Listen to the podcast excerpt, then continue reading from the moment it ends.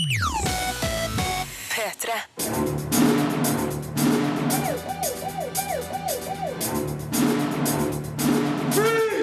Filmpolitiet! What's your name, dude? Birger Vestmo. What kind of stupid name is that?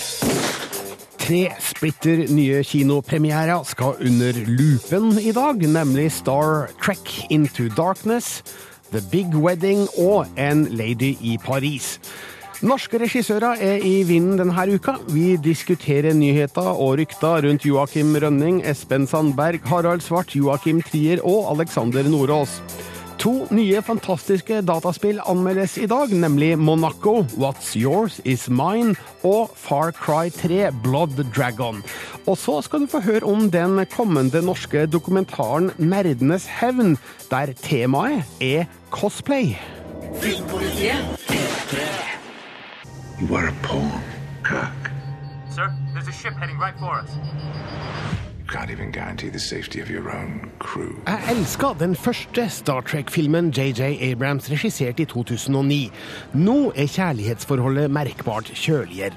Star Trek Into Darkness har riktignok enkeltstående sekvenser med spenning, oppfinnsomhet og den rette Star Trek-atmosfæren, men jeg syns ikke historien fungerer som helhet. De store linjene om vennskap og dødelighet utforskes halvhjerta, samtidig som de ulike sekvensene som bygger opp mot klimakset, virker tilgjorte og konstruerte. Det skuffer meg litt, samtidig som øynene sperres jevnlig opp av den visuelle elegansen. You think the rules don't apply to you because you disagree with them. Three, two. Det starter svært lovende når kaptein Kirk, spilt av Chris Pine, må foreta et vanskelig moralsk valg i en spektakulær sekvens på en fjern planet. Det handler om liv og død, og tematikken følger han gjennom hele filmen. Hoveddelen av historien starter imidlertid når stjerneflåten angripes av mystiske John Harrison, spilt av Benedict Cumberbatch. Kaptein Kirk mister noen som står han nær, og USS Enterprise tar opp jakta på Harrison i et rent hevntokt. Let's go get this son of a bitch. Handlinga virker å være sammensatt av en rekke løsrevne problemstillinger, der løsninga ofte er å trykke på en bestemt knapp eller trekke i et bestemt håndtak. Litt som et dataspill, altså. Og så er det meninga at vennskapet mellom kaptein Kirk og førstestyrmann Spock skal binde alt sammen.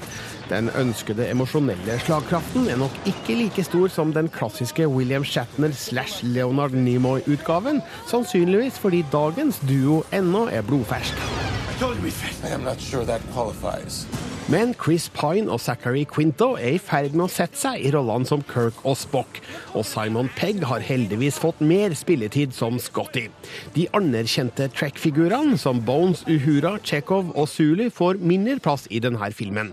Men det er fantastisk å se den originale Robocop, Peter Weller, i en iskald rolle som barske admiral Marcus. Og fra første øyeblikk Benedict Cumberbatch viser seg, er det klart at det er et lite klasseskille mellom han og resten av skuespillerne. Cumberbatch spiller en troverdig trussel, sjøl når en ganske åpenbar avsløring midtveis risikerer å kaste figuren hans ut på dypt vann. No. I only know what I can do. JJ Abrams regisserer som vanlig med stor visuell kontroll.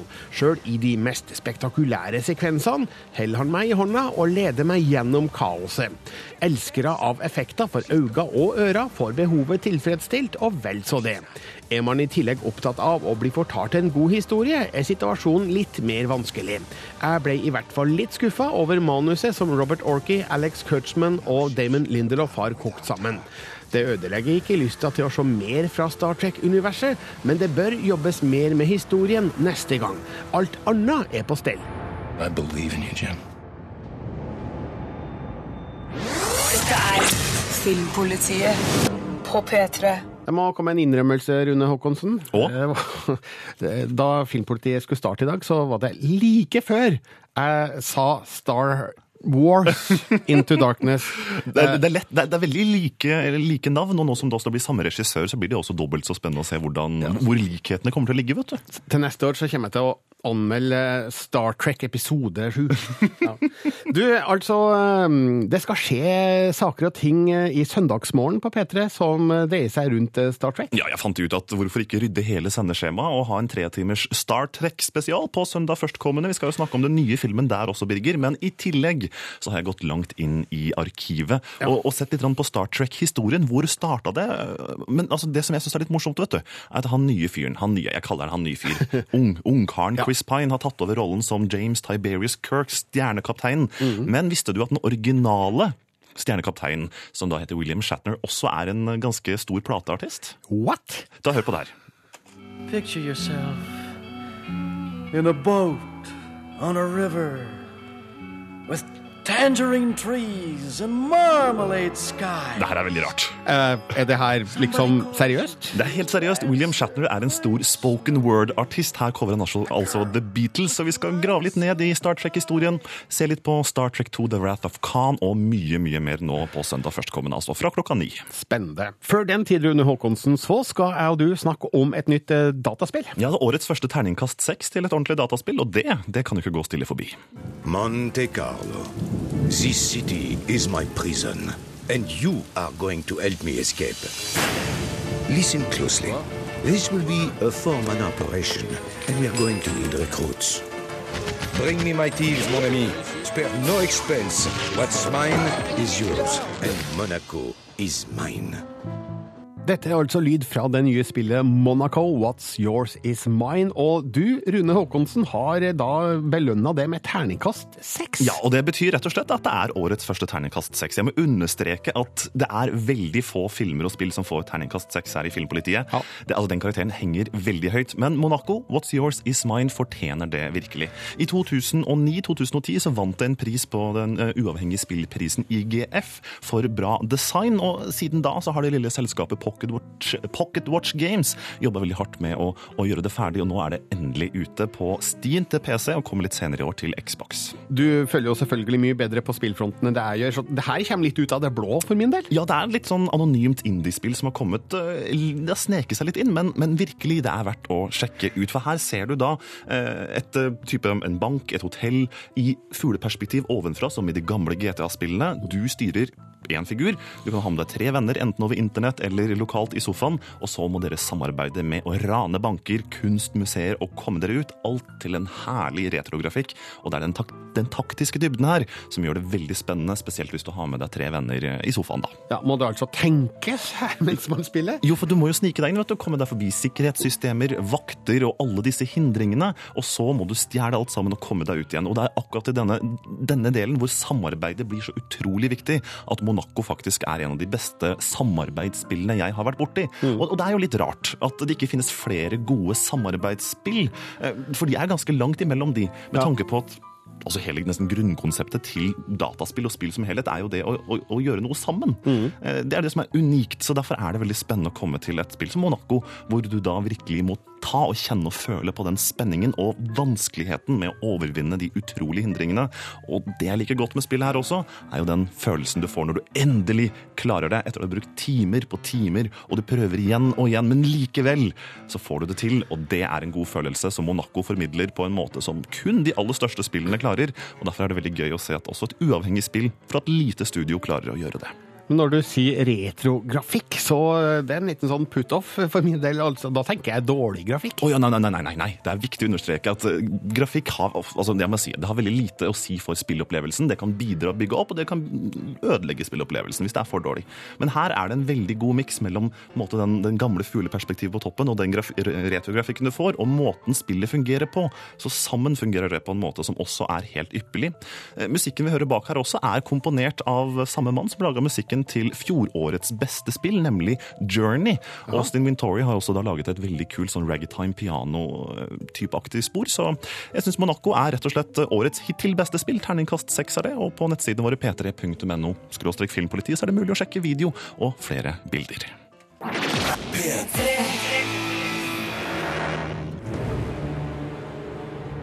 Og det her er lyd fra Pirates of the Caribbean. Rett og slett lydsporet fra denne filmserien, som nå snart skal få film nummer fem. Men hvem skal regissere? Ja, det er enda et åpent spørsmål. Men Andreas Opsvik og Rune Haakonsen det er da to nordmenn som muligens Ja, ja, ja. er aktuelle her. Ja, det er Ryktene går i, i full fart nå. Det kastes jo gjerne navn rundt sånn tidlig i en, i en sånn filmprosess som det her, at de Ja. lurer på liksom, hvem skal ta over roret på en så stor franchise.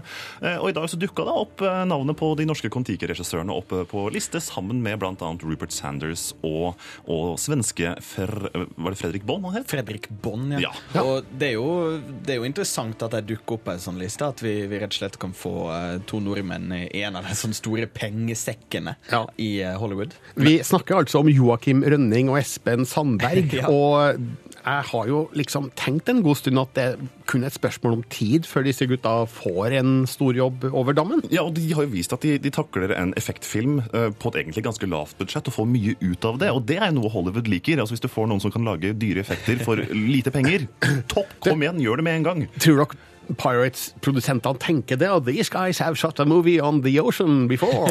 Ja, men jeg tenker nok at de, de, de ser hva de har fått til, og det er jo viktig. Det er jo, altså, den filmen er jo en CV som, som, som tar de langt inn i Hollywood, tror jeg. Altså, nå er jo det her bare rykte foreløpig. Men i forhold til de andre navnene som blir kasta rundt her, så syns jeg egentlig at de har ganske mye tyngde. For Fredrik Bond har vært en re- reklameregissør. Eh, egentlig ikke laga noe særlig annen enn spillefilm. Han har, eh, han har vel premiere på sin nyeste film, eh, som han, sin debutfilm, nå litt senere i år. Mens Rupert Sanders har jo laga Snow White and the Huntsman, som også er en stor effektfilm, da. Men uh, i møte med disse så holder jeg en knapp på, på, på de norske, altså. Ja, hvis du ser på tidligere filmene til, til eh, Rønning og Sandberg, som den Bandidas-filmen, så er jo det kanskje noe er sånn eventyr litt i samme stil. Da. Bare at det her naturlig nok blir eh, enda større budsjett. Men det, det må jo sies, da. At det var jo et lignende rykte om Harald Svart for en måned siden, at han skulle ta over Fast and Furious. Og ja, vi så jo hvordan det gikk. Han fikk jo ikke den i stedet. Nei, nå er jo Harald Svart opptatt med andre ting, som vi skal snakke om litt senere i Filmpolitiet. Men altså, tenk, det er jo ikke helt utenkelig at Rønning og Sandberg eh, faktisk eh, er høyaktuelle for Pirates 5. Når vi ser på Pirates 4, On Stranger Tides, så ble den regissert av Rob Marshall, og han var jo ikke noe åpenbart navn for en sånn stor effektfilm, egentlig. Nei, men, men vi må jo understreke at det her er høytflyvende rykte for, for øyeblikket. Men det er jo en spennende tanke, og jeg tror nok at Kon-Tiki har fått såpass mye oppmerksomhet i USA, i Hollywood, eh, både i dag selvfølgelig i forbindelse med Oscar-utdelinga, at det her mm, ikke er helt usannsynlig. Så får vi se om det viser seg å ha hold eller ikke. Men vi har mer konkrete nyheter om Harald Svart, Andreas. Ja, for Harald Svart har eh, Det, det, det har tydeligvis trua på eh, Mortal Instruments-prosjektet hans. For allerede før den første filmen i da den her tenårings... hva skal vi si, action-eventyret har fått premiere, så har han allerede fått grønt lys for den andre filmen i den serien. Ja, og når man gjør det før den første filmen har premiere, så viser jo det at eh, man har trua her. Ja, absolutt. Og jeg tror nok at dette kan bli en av de store hitene når det gjelder liksom, det, det typiske tween-publikummet, altså de ungs, yngste ungdommene. Eh, Så det blir spennende å se hvordan dette her kommer til å gå over, om det blir en stor suksess. Ja, Da prosjektet ble annonsert eh, for en god del måneder tilbake i tid, så eh, jeg våga meg på å si at kan dette bli den neste Twilight? altså, Det skal kanskje godt gjøres, da, men det er jo basert da på en populær bokserie retta mot det samme publikummet som jo gjorde Twilight til en kjempesuksess. Bare at her er det en kvinne i hovedrollen som virker å ha litt tæl og litt uh, handlingskraft, da, i motsetning til kanskje Twilight, hvis eh, det skal være lov til å komme med en liten kritikk. Et lite mot, stikk i eh, sida Ja, lite Men stikk i sida. traileren til, til filmen eh, er jo ute på, på nett, og Lily Collins eh, må jo alltid nevne at det er dattera til Phil Collins, for det syns jeg er veldig morsomt. Uh, hun virker som en, eh, en veldig bra filmheltinne. Så det skal bli spennende. Og um, den neste The Mortal Instruments-filmen skal da presenteres for oppkjøpere i Cannes i, i neste uke, som jo er et stort marked for eh, filmer som ennå ikke er produsert. En film som eh, allerede nå det snakkes om for Cannes neste år, er jo Joachim Triers 'Louder Than Bombs', altså hans eh, amerikanske filmdebut. da. Reprise fikk jo veldig mye oppmerksomhet. Oslo 31. august også, internasjonalt sett. Og denne uka her så ble det jo klart at Jesse Eisenberg, Isabel Huppert Og Gabriel Byrne er klare for eh, de viktigste rollene i filmen. Eh, Jesse Eisenberg kjenner vi jo da fra Facebook-filmen, som jeg faktisk nå har glemt navnet på. The Social Network. Takk skal du ha, The Social Network. Eh, Mens Gabriel Byrne kjenner kanskje man best fra TV-serien In Treatment, som har gått på NRK. og Det syns jeg er en veldig veldig god Nei, serie. man kjenner han best fra verdens beste mafiafilm, Millers Crossing. Ja, ikke minst- Håkon Håkonsen? Håkon Håkonsen også. Så det, han, han har vært innom norske norsk filmskaping før, og nå, nå skal han igjen. Eh, Isabel Luper har jo da spilt i bl.a. Pianolærerinnen, eh, I Heart Huckabees, og ikke minst så spilte hun datteren da i den Oscar-belønnede Amor, som, som går på kino ennå i Norge. Dette er gode navn som jeg vil tro sikrer filmen eh, oppmerksomhet internasjonalt. Altså Louder Than Bumps fra Bumps? eh, Bombs, Bombs, ja. fra Joakim Trier. Og så kanskje den kuleste nyheten denne uka er at eh, den norske filmen Tale får en engelskspråklig oppfølger, Andreas. Ja, for den har jo fått en ganske mye oppmerksomhet når den ble vist på eh, filmfestivalen i Toronto, for eksempel. Og det er da er den, eh, den eh, amerikanske horrorfilmdistributøren Epic Pictures som har plukka opp og, og da lyst til å støtte denne filmen med penger. Men den eh, blir da mot et litt mer internasjonalt marked og får eh, engelsk språk. Og det er da Hulder-filmen som dukka opp i fjor, eh, der eh, det blir litt sånn hinta til en litt sånn større verden utafor filmen. Og det er kanskje det en skal utforske da i, i en oppfølger. Jeg håper jo virkelig det. Jeg nevnte vel det også i anmeldelsen min av Tale da den kom, at eh, vi ser tegn til et univers bak handlinga i den første filmen, som jeg godt kunne tenkt meg å bli utforska på film. Og det er vel da mulig at regissør Alexander Nordås får muligheten til noe med mer penger og, og kanskje noen navn også. Ja, det har ikke, det har ikke vært så masse Det, det sier ingenting om skuespillere foreløpig, men det, det vil jo være litt rart hvis ikke selve Huldra blir plukka med videre, vil jeg si. da. Ja, Vi får vente og se hva som skjer med Tale. Det er i hvert fall eh, gode tider for norske regissører for tida. Kanskje jeg skulle begynt å regissere noe sjæl? Altså. Jeg tenker du får bytte jobb nå, Birger. uh, ja, nei, jeg har dessverre, uh, eller heldigvis, ingen ambisjoner i den retningen, så vel. Men uh, takk for oppmerksomheten. I sted diskuterte vi norske regissører i vinden, og da burde vi vel også nevne Tommy Wirkola, som akkurat nå er i forberedelser til å spille inn eh, den neste Død snø-filmen. Den skal presenteres for utenlandske oppkjøpere under filmfestivalen i Cannes i neste uke. Dessuten så er det jo allerede annonsert at det skal komme en oppfølger til Hansel and Gretel Witch Hunters. Og nå kommer vi til sakens kjerne, for denne uka kom Hansel and Gretel Witch Hunters ut på Blu-ray og DVD her i Norge. Derfor får du min anmeldelse fra kinopremieren. Let the girl go, or I'm gonna blow your sheriff's brains all over these fucking hillbillies. Ok, så er ikke det her akkurat Schindlers liste, men Tommy Wirkolas Hansel and Gretel Witch Hunters er et kjapt og uforpliktende nummer som var over før jeg rakk å kjede meg. Den ene hektiske actionscenen avløser den andre, og tåkelegger effektivt det faktum at manuset skranter, med tynne karakterskildringer og litt sliten ironihumor. Men Hansel and Gretel er i hvert fall helt grei camp, med noen ekstra bonuser om mannen er norsk. Vi møter søskenparet Hansel og Gretel, spilt av Jeremy Renner og Gemma Arterton, flere år etter at de brente heksa som forsøkte å spise dem som barn i godterihytta.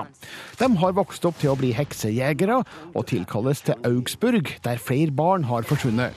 De oppdager at superheksa Muriel, spilt av Famke Jansen, og hennes heksehjelpere, bl.a. Ingrid Bolse Berdal, har kidnappa barna til en farlig seremoni under den kommende rødmånen. I go by many names, none of which you're worthy of pronouncing. Filmen tar seg ikke tid til å introdusere Hansel og Gretel for oss i særlig grad, men kaster oss rett inn i handlinga. Det er litt synd, for vi får ikke tid til å få noen følelse av hvem de her figurene er. Når det er sagt, ser både Jeremy Renner og Gemma Arteton ut som kule, oppgraderte eventyrhelter med et rikholdig anakronistisk vokabular og våpenarsenal. Renner har det rette utseendet, men virker nesten litt uinspirert til tider, mens Arteton fremstår som ei herlig, fyrig og initiativrik actiondame. I see you got my invitation. Say your name before my arrows rip out your throat. Det beste med filmen er hvordan Wirkola sprøyter inn energi i nesten all actionscener. De er svært tett klippa, inneholder flere oppfinnsomme knep, og avsluttes gjerne med store mengder heksegørr som nesten når død snø-nivå. Det vil kanskje oppfattes som historisk ukorrekt å bruke maskingevær og andre mekaniske innretninger på noe som ligner 1600-tallet, men troverdighet og realisme har ingenting med det her å gjøre. Det her er tull og tøys, og filmen vet det. Nei, Hansel and Gretel Witch Hunters forsøker aldri å være Schindlers liste. Jeg tar heller en parallell til Sam Ramis Army of Darkness. Wirkolas film har noe av den samme anarkistiske holdninga til middelaldersk eventyraction, men kommer til kort når det gjelder den innforståtte humoren. Historien kunne òg tenkt en sterkere emosjonell kjerne, men det her er godkjent som B-underholdning, noe jeg har et svakt hjerte for, og jeg er sikker på at denne filmen vil fungere enda bedre med øl i sofakroken. My name is Gretel. And this is my brother Hansel. Dette er Filmpolitiet på P3. So many assholes. Filmpolitiet. So few bullets. Rune og Andreas, hvilken film? Hvilken film? Åh, nei, nei, nei, nei, nei, og det her er pinlig. Det er ikke, eh, Jeg jeg, tenk, jeg tenker bare på Ford Fairlane. Ja! hører Andrew Dice Det er The Adventures of Ford Fairlane. Ja. Ja, Minus i boka hos meg, det. Ja, må aldri la sjansen til å gi Ford Fairlane litt kred gå fra seg. Men vi skal snakke om noe helt annet enn Ford Fairlane. Vi skal snakke om eh, Dungeons and Dragons. For, den, Fantasy, for denne uka kom da nyheten om at Warner Brothers skal lage storfilm basert på det som må kalles verdens eh, største rollespill, rett og slett. Ja, enkelt og greit. Dungeons and Dragons er jo et, et rollespillsystem som først kom i 1974 av da de nå ganske så kultlignende figurene Gary Gygax og Dave Arneson. Eh, Det som er litt interessant, er at det her er jo ikke en egen fantasy-fortelling, sånn som Ringenes herre, at du har en figur, at du har liksom eh, at noe de skal gjøre, men det er mer et system for hvordan man kan fortelle rollespill i en sånn type eh, penn og papirsituasjon. At du sitter ved et bord, ikke sant, triller terninger. Jeg angriper deg med min øks, triller terning. Å, jeg fikk terningkast 16, ikke sant? Men Rune og Andreas, dere driver og spiller det her eh, den dag i dag. Altså, Ja, ja, ja. eh, Hvorfor er det her gøy? Det høres jo litt sånn, unnskyld uttrykket, nerdete ut. Det er veldig nerdete. Det, det er fryktelig nerdete, men det, det som er morsomt, er jo nettopp det at du kan lage din egen figur, du kan lage din egen historie, eksempel med, med mye større frihet enn en vil ha i et dataspill eller i andre typer mer sånn moderne, interaktive historiefortellingsbiter. da. Og det er jo laga veldig mange dataspill som er basert på dette Dungeons and Dragons-systemet, f.eks. Neverwinter Nights osv. Så, videre. så at det er mange, mange forskjellige spill som har blitt bygd på dette systemet. Det er også kommet en film i 2000 som, er bygd, som heter da Dungeons and Dragons, med annet Jeremy Irons, og den er så dårlig. og det blir litt matt. Og, og det er jo det, kanskje det som er det mest faretruende sånn signalet for meg, da er jo at regissøren av den filmen fra 2000 er tenkt å være produsent på den her kommende Warner Brothers-filmen. Og jeg merker at jeg blir ikke sånn veldig positiv og, og glad i hjertet mitt av akkurat det. Ja, Men det er Warner Brothers, da. Det er et stort filmstudio. Her er det mye penger. Her er det faktisk seriøst, øh, en seriøs størrelse på budsjettet inne i bildet. Så det, altså det må i hvert fall bli effektmoro. Det, det, det, det kan vi slå fast. Men kan man da gjøre hva som helst ut av det her og kalle det Dungeons and Dragons? Ja, i veldig høy grad. Altså Det eneste som må være med, er jo kanskje noen av de grunnleggende elementene. Sånn type at man har de standardiserte yrkene, sånn som kriger, trollmann, magiker osv. De kommer til å være et, et lite sånn, en gjeng da, vet du, som har disse oppgavene. Og så er det nok noen standardiserte, sånn at de må ut på et quest og så overvinne noen Ja. monstre. Kanskje Mest- de mest triller noen terninger òg. Men jeg, jeg, jeg tenker da på Battleship. jeg, når Det er altså at man, man tar bare en sånn grunnleggende ting fra et uh, spill, og så gjør man det man vil på film. Det gikk jo ikke så bra for Battleship, syns jeg, da, i hvert fall. Men eh, k- kanskje vi skal ta med Birger neste gang, da? Rune? Jeg tror vi skal gjøre det. Introdusere deg for rollespillet, altså. Ja, eh, Tar det lang tid å lære seg det? Ja. Ja, kan gjøre det. Men eh, denne filmen i hvert fall, det, det blir i hvert fall fantasy. Det blir sikkert drager og store greier, men eh, nøyaktig hva det blir, det vet vi ikke helt ennå. Bortsett fra at Warner Bros har litt av et budsjett inn i bildet her. Les mer om det her på p3.no slash filmpolitiet, og kommenter Dungeons and Dragons.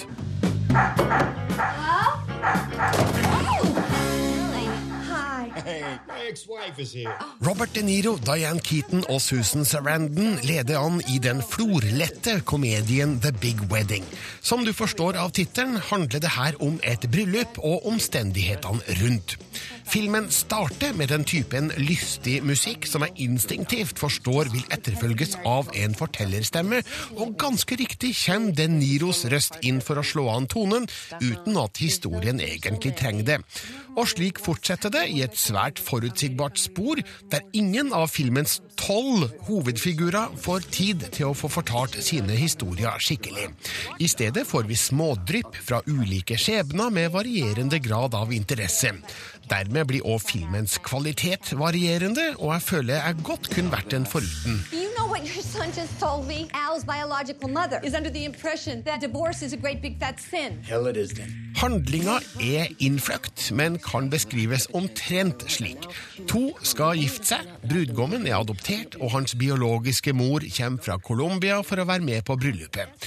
Hun er svært katolsk kristen, og derfor må brudgommens adoptivfar late som han fremdeles er gift med brudgommens opprinnelige adoptivmor, mens hans nåværende adoptivmor, som kun er adoptivfarens samboer, må late som hun bare er cateringansvarlig.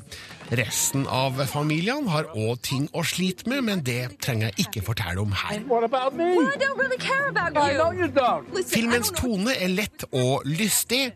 Ingen av familiens problemer behandles særlig troverdig.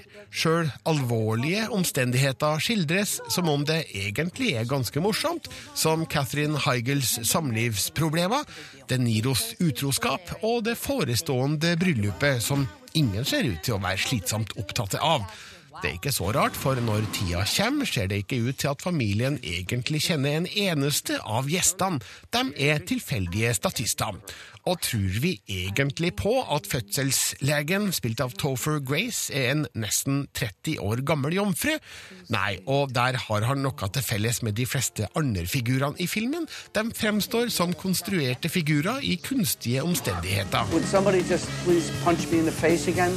The Big Wedding er basert på en fransk-sveitsisk film fra 2007 som jeg riktignok ikke har sett, men det virker på meg som en litt unødvendig remake.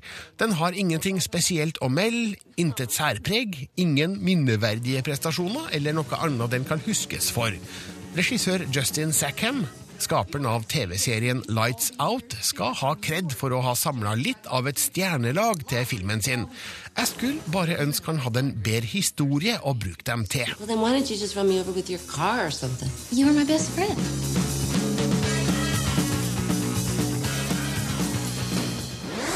er Filmpolitiet på P3. Da, Rune Håkonsen, da skal det handle om Far Cry 3 Blood Dragon. Og det er altså da mm, ikke en utvidelsespakke av Far Cry 3, egentlig. Mer egentlig en videreutvikling, hvor de har tatt alt, snudd det på hodet og virkelig sparka i gang en skikkelig atomkrig uten like. From the toxic ashes of Vietnam War II, a new breed of renegade soldier is born. Part man, part machine. He's on a desperate mission to bring down a battalion of ruthless killer cyborgs and save the world. Altså, bare den her lyden, også det spillet her, har meg.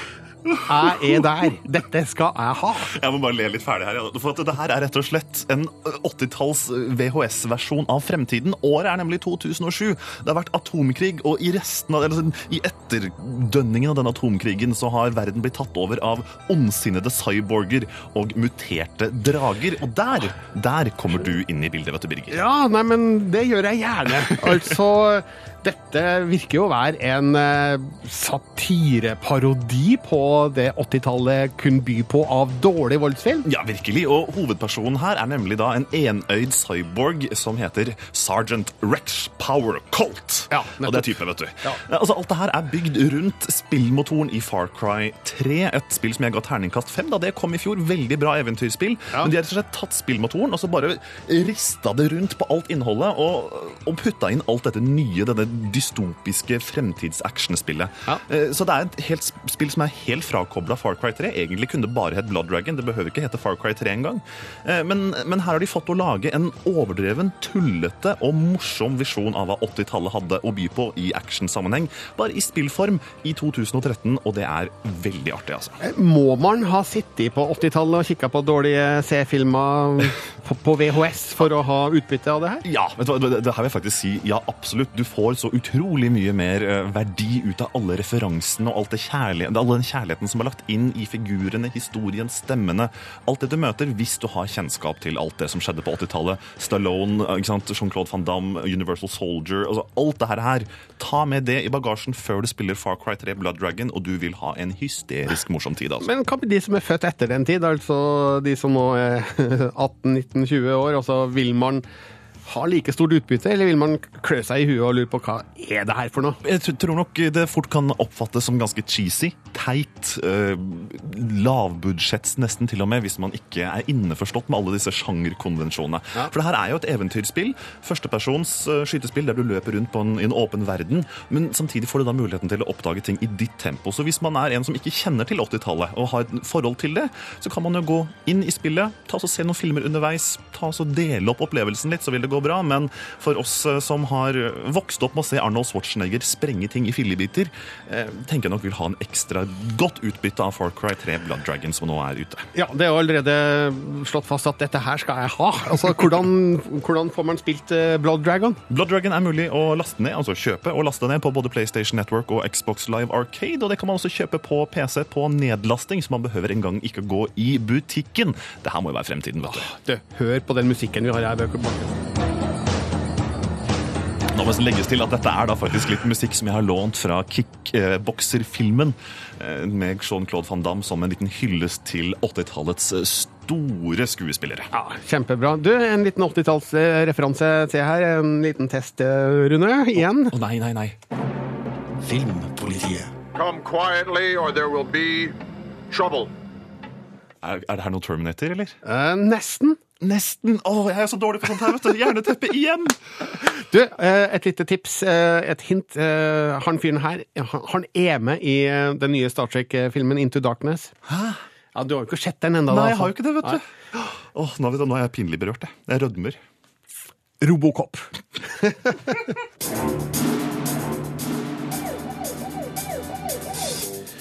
Sist uke fikk eh, dokumentarfilmen 'Nerdenes hevn' innvilga støtte fra Norsk Filminstitutt, og det er vi i Filmpolitiet glade for.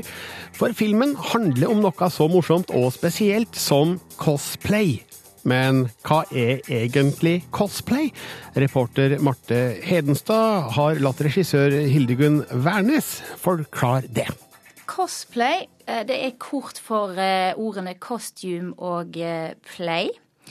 Og eh, folk som cosplayer, de eh, kler seg ut og spiller karakterer fra anime-serier, mangaserier, TV-spill, science fiction. eh, De kan finne på sine egne karakterer og helt fritt etter fantasien. Hildegunn, forrige uke så fikk du og ITV Studios innvilga støtte fra NFI til denne dokumentarfilmen om cosplay. Det er jo veldig morsomt, syns jeg. Men hvorfor var dette noe du hadde lyst til å lage dokumentarfilm om?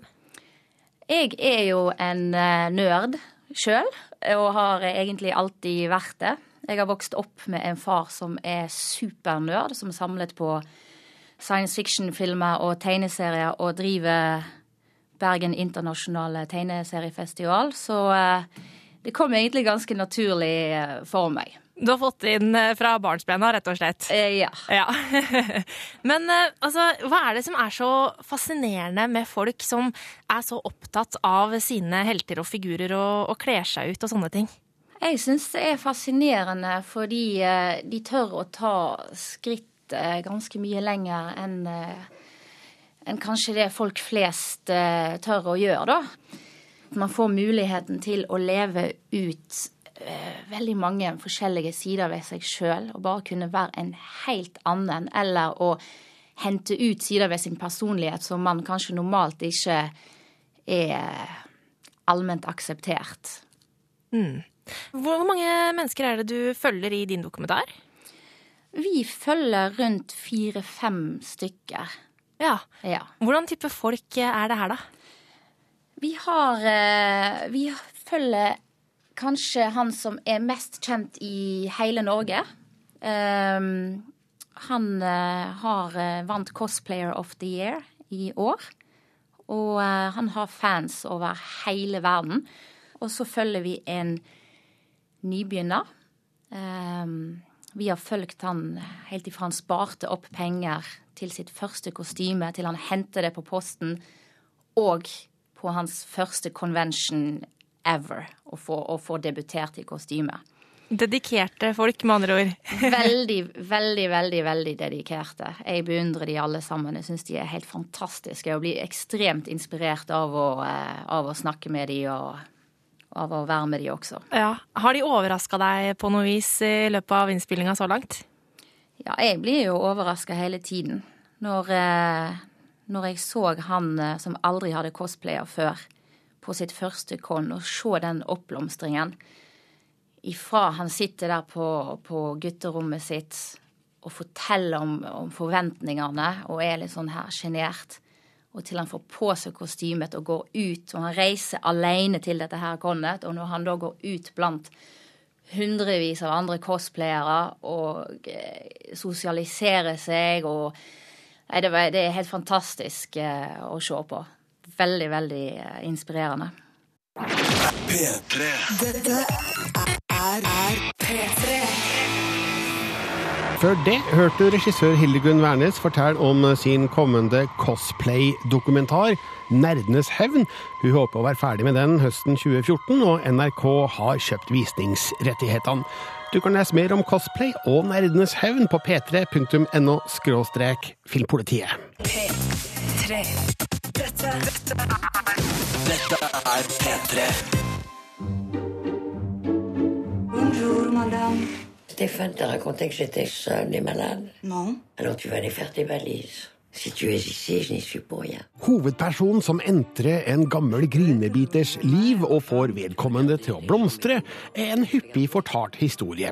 Slikt sett er ikke En lady i Paris spesielt original, men den gir oss et gjensyn med legendariske Jean Moreau i en av hovedrollene, og historien har en interessant bakgrunn i estisk immigrasjon i Frankrike. Akkurat den delen kunne godt vært utforska i større grad, men samspillet mellom Moreau og Laine Megi bærer saftige frukter i filmens første del. Bare så synd at filmen konkluderer for enkelt og klisjéfylt. Non. Estiske Ann, spilt av Megi, får tilbud om jobb som hjemmehjelp for en estisk kvinne i Paris. Frida, spilt av Moreau, er en bister, ensom, gammel dame som gir Ann en kjølig velkomst. Hun vil heller bli oppvarta av sin gamle elsker, Stefan, spilt av Patrick Pinot, som driver kafeen hun ga han. Men gradvis greier Ann å tilnærme seg Frida, som litt etter litt tør opp og avdekker gradvis hvorfor hun er slik hun er, og lever slik hun gjør. Plastique Un vrai croissant, ça s'achète dans une boulangerie. De innledende scenene viser kontrastene i en ganske grå estisk kvinnes møte med en fargerik parisisk dame. De kommer kanskje fra samme bakgrunn, men Frida har for lengst forkasta sin estiske kultur og adoptert den kontinentale livsførselen på godt og vondt. Hennes utsvevende fortid er noe av årsaken til hennes nåværende eremittilværelse. Og vi ser i filmens mest interessante scene hvordan hun har kommet på kant med andre estlendere i Paris. Men møtet med vennligsinna Ann gjør at hun gradvis åpner seg. Samtidig er det interessant å se hvordan Ann òg blomstrer i møte med Frida, som gir hun nye impulser gjennom sine tanker, vaner og ikke minst garderobe.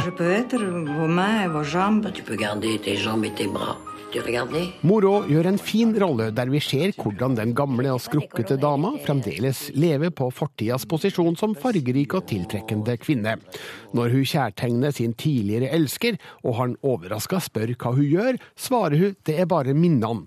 Hans tilstedeværelse tvinger hun til å ta et lite oppgjør med seg sjøl, men uten å vise det til omgivelsene. Hun er fremdeles opptatt av fasaden og beskytter den standhaftig. Je ser jeg mieux. Oui. Regissør og manusforfatter Ilmar Rag har laga en film med et godt anslag og en interessant utvikling. Dessverre må jeg si jeg ble en smule skuffa over avslutninga, som ikke skal avsløres, men som jeg ser på som en litt for enkel utvei. Dramatikken som bygges opp, burde få en større utløsning. Det store oppgjøret skjer aldri. Men skuespillet, den nøkterne dialogen og det tilbakeholdne filmspråket er godt nok til at en lady i Paris er verdt en titt. Vous et moi. Dette er Filmpolitiet på P3. Da er Filmpolitiet over. Minner bare om Filmpolitiets nettsted en gang til. p3.no filmpolitiet. Jeg heter Birger Vestmo. Ha en god fredag og god helg. Hør flere podkaster på nrk.no podkast.